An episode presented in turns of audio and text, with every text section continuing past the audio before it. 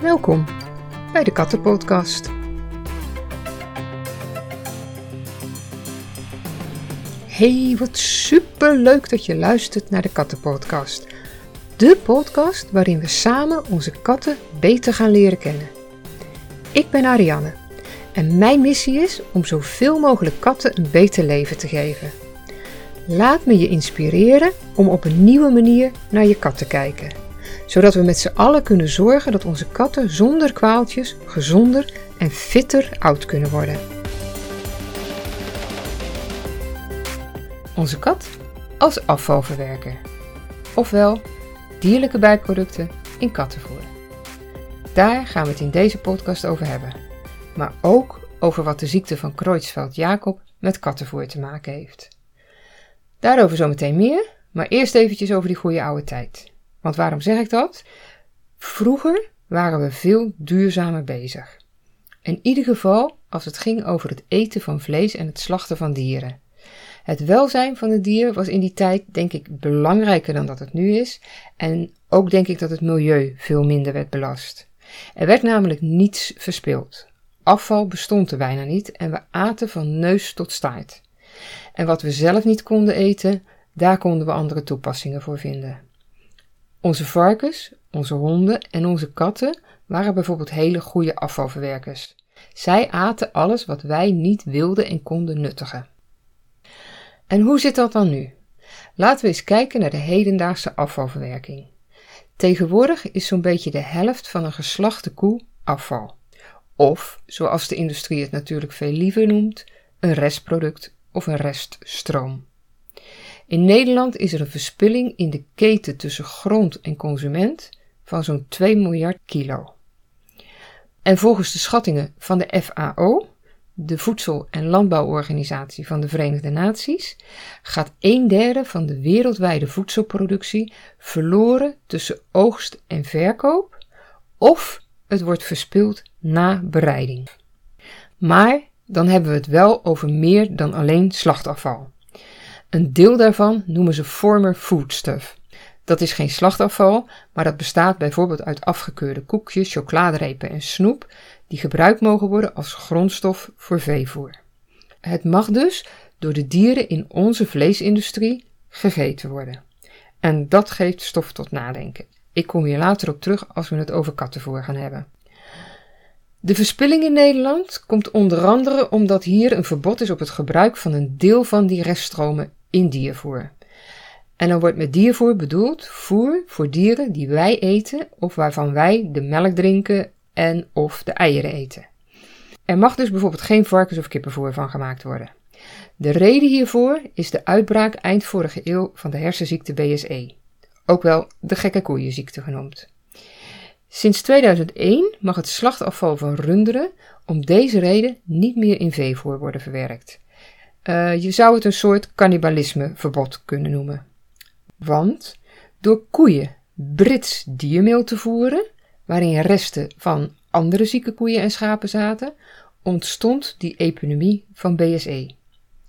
Die zieke koeien zijn vervolgens door mensen gegeten en dat kwam omdat ze tijdens de slacht nog geen symptomen hadden.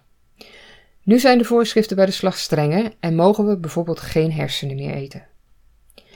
In eerste instantie werd gedacht dat de ziekte niet op mensen overgedragen kon worden. Maar niets is minder waar. Het bewijs is wetenschappelijk nog steeds niet geleverd, maar onder wetenschappers bestaat geen twijfel dat de variant van de ziekte van Creutzfeldt-Jakob, die een incubatietijd van 1 tot 30 jaar heeft, wordt veroorzaakt door het eten van met BSE besmet rundvlees. En besmette mensen overlijden binnen 1 à 2 jaar. Een groot deel van het slachtafval mag dus niet meer in de menselijke voedselketen terechtkomen. Diermeel is verboden in veevoer, maar dierlijke vetten mogen wel gebruikt worden. En op dit moment mag diermeel van varkens en pluimvee wel in visvoer gebruikt worden. De veevoerindustrie is inmiddels overgegaan op sojameel om het eiwitgehalte in het voer op een andere manier op peil te kunnen houden. De dierlijke producten die niet door mensen gegeten kunnen of mogen worden, maar die wel waardevolle eiwitten bevatten, spelen inmiddels de hoofdrol in een miljardenindustrie. Zo worden uiteindelijk toch alle delen van een geslacht dier te gelden gemaakt. Je vindt ze terug in allerlei producten.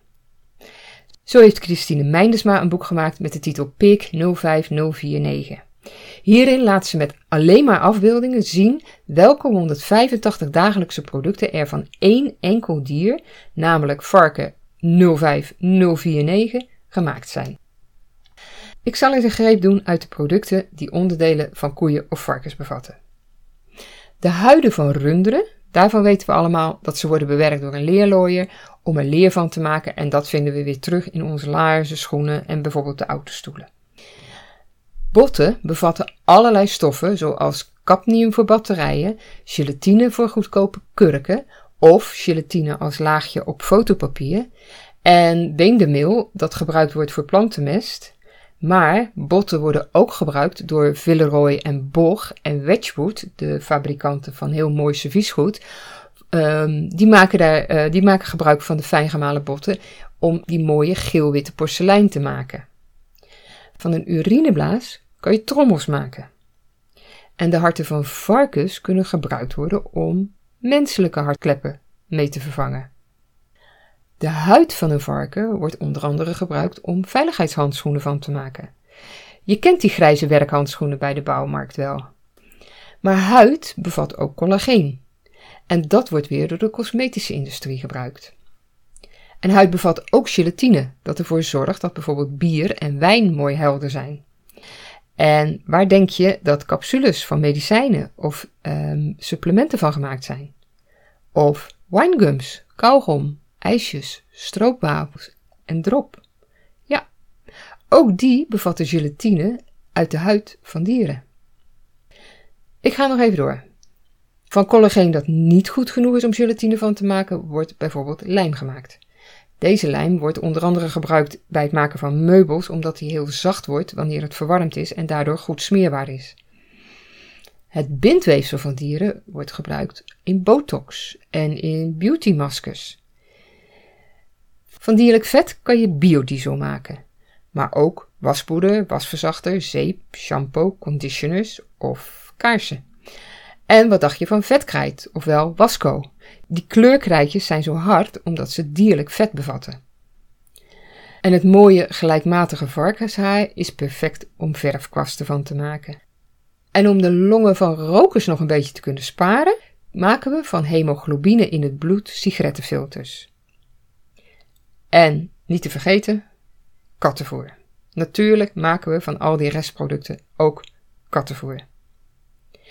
Dat betekent dat als je vegetarisch of vooral veganistisch wilt leven, je misschien nog eens even goed moet nadenken hoe je dat gaat aanpakken. Maar laten we weer teruggaan naar het kattenvoer. Zoals eerder gezegd zijn onze honden en katten dus al eeuwenlang goede afvalverwerkers. Ze aten en eten nog steeds de delen van een geslacht dier die wij niet meer kunnen, mogen of willen nuttigen. Het verschil is alleen dat er nu een miljardenindustrie omheen gebouwd is. Een deel van het dierlijk afval mag in het voer van onze katten worden verwerkt, omdat wij die katten niet opeten en er dus geen gevaar is voor de volksgezondheid. En zonder deze restverwerking zou niet alleen ons kattenvoer onbetaalbaar zijn, maar ook ons biefstukje is dan onbetaalbaar. Door alle restproducten van een geslacht dier te verwerken, brengt het dier namelijk aanzienlijk meer op. Maar waar hebben we het over als we het over reststromen en restproducten in kattenvoer hebben? Laten we een geslachte koe als voorbeeld nemen. Grofweg de helft, ongeveer 55% van die koe, is vlees en vleeswaren, zoals ze dat noemen. En de andere helft valt volgens de wet in de categorie dierlijke bijproducten.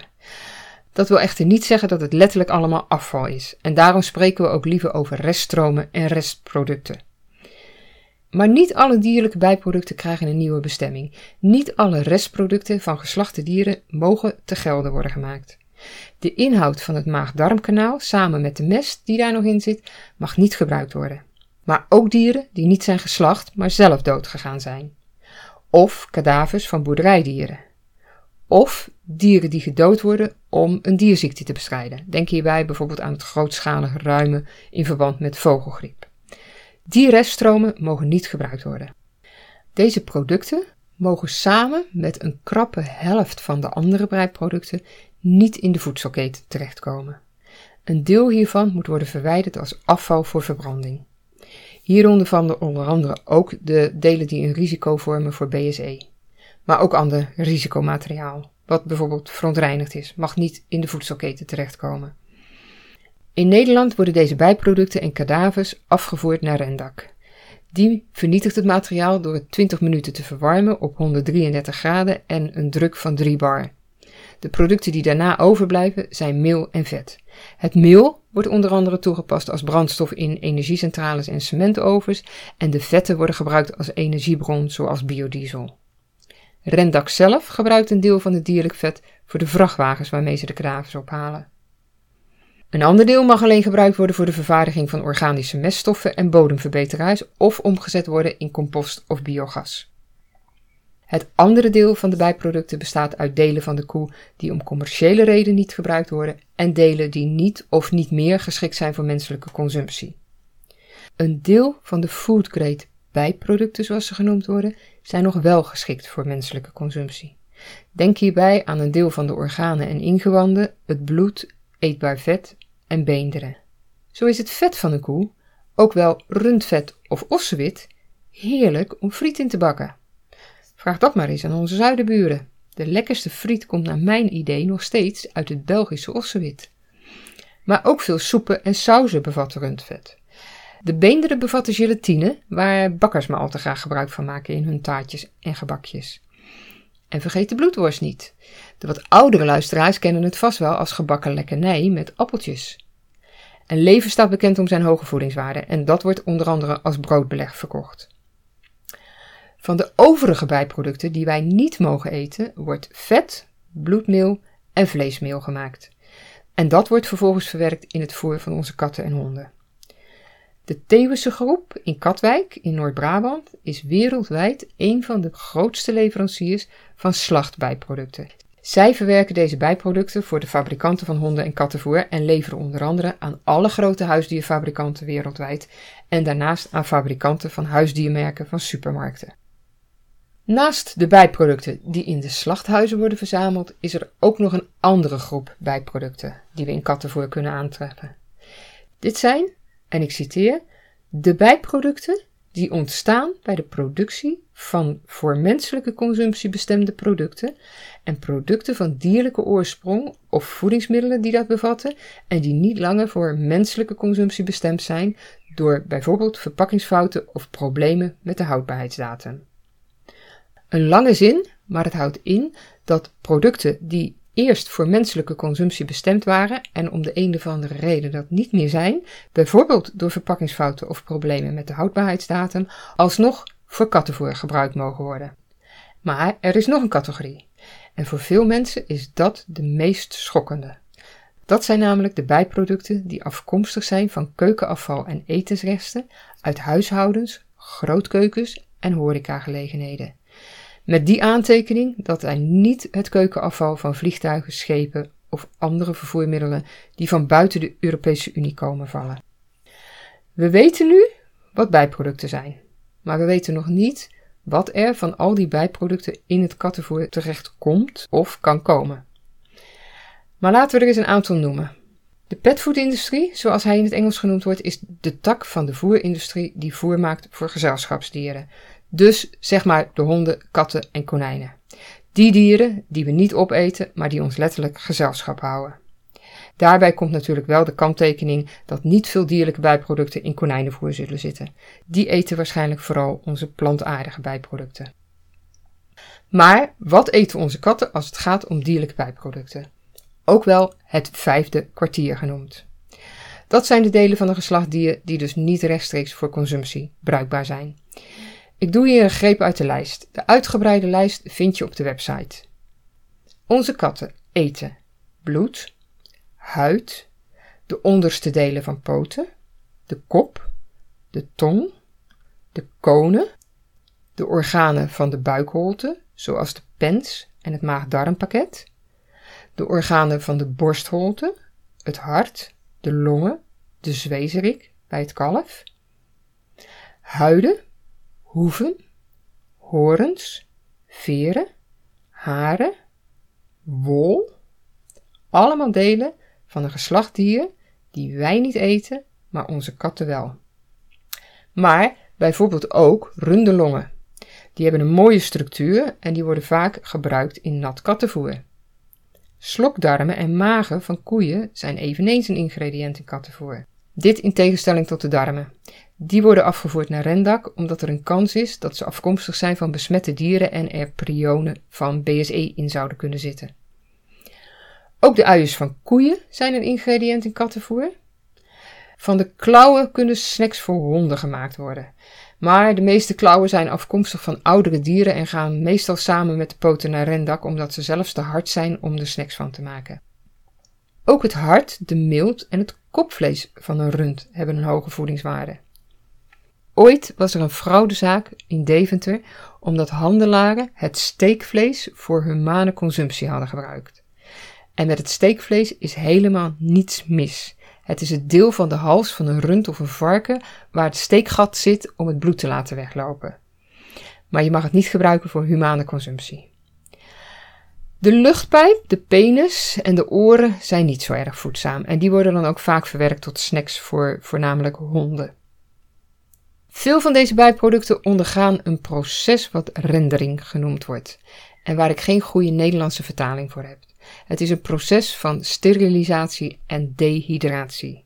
Door het dierlijke restmateriaal te verhitten tot 140 graden wordt bijvoorbeeld het water en het vet van de botten en het weefsel gescheiden.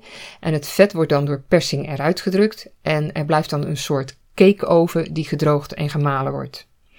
En zo ontstaat een meel wat gemiddeld zo'n 40% eiwit bevat en wat wordt gebruikt voor bijvoorbeeld droge kattenvoer. De diervoerindustrie gebruikt op die manier zo'n 25% van alle gerenderde ingrediënten die geproduceerd worden. En zo verandert een verse kip in een flesje olie en een bergje meel van eiwitten en botten. Voor de slachterijen van herkauwers, varkens en pluimvee en voor die van vis- en aquacultuurbedrijven zijn er lange lijsten van ingrediënten van dierlijke bijproducten die in petfood verwerkt mogen worden. Ga, als je deze hele lijst wil zien, naar de show notes op de website. En de grote vraag blijft dan: zijn deze bijproducten schadelijk of onwenselijk voor onze katten? Laat ik daar het volgende over zeggen. Wilde katachtigen en honden eten na het vangen van een prooi vaak als eerste de organen. Dat zijn dus de delen die we hier steeds bijproducten hebben genoemd. In het wild eten onze honden en katten die dus gewoon op. En in tegenstelling tot honden die vaak met z'n allen op een grote prooi jagen en hem opeten, jagen onze katten op kleine prooien, zoals bijvoorbeeld muizen. En die eten ze in hun eentje dus helemaal op. En ook dan eten katten, wat we hier in deze podcast de zogenaamde bijproducten noemen, gewoon op. Ze gaan zelfs nog een stapje verder. Ook de delen die wij mensen vernietigen, worden door de katten gewoon doorgeslikt. De inhoud van de maag en de darmen wordt in veel gevallen ook gewoon opgegeten. Dus in principe zijn deze bijproducten op zichzelf niet verkeerd. Het is alleen wat wij mensen ermee doen, wat ze soms in zo'n kwaad daglicht zet. We weten niets over de kwaliteit en ook niets over de versheid van de bijproducten. En ze worden over het algemeen sterk bewerkt voordat ze in voer terechtkomen. En dat is een proces dat zowel voor ons eigen eten als dat voor onze kat te wensen overlaat. Daarnaast is er een groep bijproducten die, zoals we dat al eerder konden horen, former food genoemd worden. De vetten waar een frietent, zoals we die in Brabant noemen, of een patatzaak de friet in heeft gebakken, worden niet voor niets vervangen door vers vet. Het is naar alle waarschijnlijkheid ranzig en het bevat veel transvetten, die ook voor onze katten ongezond zijn. En ook de andere restanten uit de horeca en de professionele keukens zijn geen ingrediënten die mijn voorkeur hebben. We hebben geen idee wat ze bevatten en ook geen idee wat de kwaliteit en de versheid is. Als producten omwille van hun houdbaarheid in kattenvoer terechtkomen, voelt dat wat mij betreft niet goed aan. De volgende vraag is dan ook: hoe zien we welke bijproducten er in het voer van onze katten zit? Fabrikanten die zich niet al te strikt aan een recept willen houden, zetten op de etiketten alleen dat er dierlijke bijproducten in zitten. In zo'n geval weten we helemaal niets over de samenstelling van het voer. Iets dat bijvoorbeeld een probleem is als je een kat met een allergie hebt. Dan wil je juist weten van welk dier de dierlijke bijproducten zijn. Bij een allergie voor kip probeer je alle pluimvee-ingrediënten te vermijden, maar dan moeten ze wel op de verpakking staan. En gelukkig zijn er ook fabrikanten die inzicht geven in wat ze in hun voer stoppen en op het etiket vermelden dat er bijvoorbeeld hart, lever of veren in zitten. In zo'n geval heb je zelf de mogelijkheid om een keuze te maken. Zo kan je zelf kiezen welke dierlijke bijproducten jij wel acceptabel vindt en welke niet. Tot zover de bijproducten in kattenvoer. Ze zitten er dus volop in en dat is op zich geen probleem. Het is een duurzame manier van kattenvoer maken en het houdt het voer van jouw kat ook nog enigszins betaalbaar. Maar het is wel fijn als we iets te weten kunnen komen over de kwaliteit van de bijproducten die gebruikt zijn. Als de fabrikant dus vermeldt welke reststromen hij heeft gebruikt om zijn voer te produceren. Vond je dit interessant en wil je nog meer weten over de etiketten op kattenvoer? Dan vind je op mijn website de basiscursus over kattenvoer. Daar leer je niet alleen de bijproducten te herkennen, maar ook alle andere ingrediënten. En ik vertel je bijvoorbeeld hoe je de calorieën uitrekent, of hoe je berekent hoeveel koolhydraten er in het voer zitten, of hoe je bijvoorbeeld verschillende soorten voer met elkaar kan vergelijken. Wil je hier meer over weten? Ga ook dan naar de show notes op de website. En speciaal voor jou staat daar ook een kortingscode om de cursus goedkoper aan te schaffen, zodat je nooit meer kan zeggen dat je niet weet wat er op de etiketten van je eigen kattenvoer staat.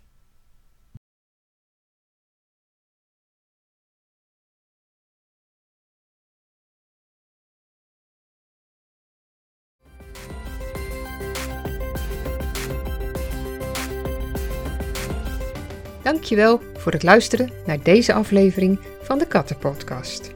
Vond je de aflevering waardevol? Zou ik je dan mogen vragen om een screenshot te maken van de podcast en hem te delen op Instagram? En oh, vergeet dan niet om Voer Katten te taggen, zodat ik kan zien wie er allemaal luisteren. Het zou namelijk leuk zijn als steeds meer mensen geïnspireerd raken om hun kat een beter leven te geven. En ik zou dat echt geweldig vinden. En als jij zelf nou iemand kent voor wie deze podcast heel interessant zou kunnen zijn, tip hem of haar dan. In de meeste podcast-apps zit wel een knop om een aflevering te delen. En als je zelf geen aflevering meer wilt missen, abonneer je dan in je podcast-app. Oh, en over katten gesproken, wees lief en voer ze zoals ze horen te eten.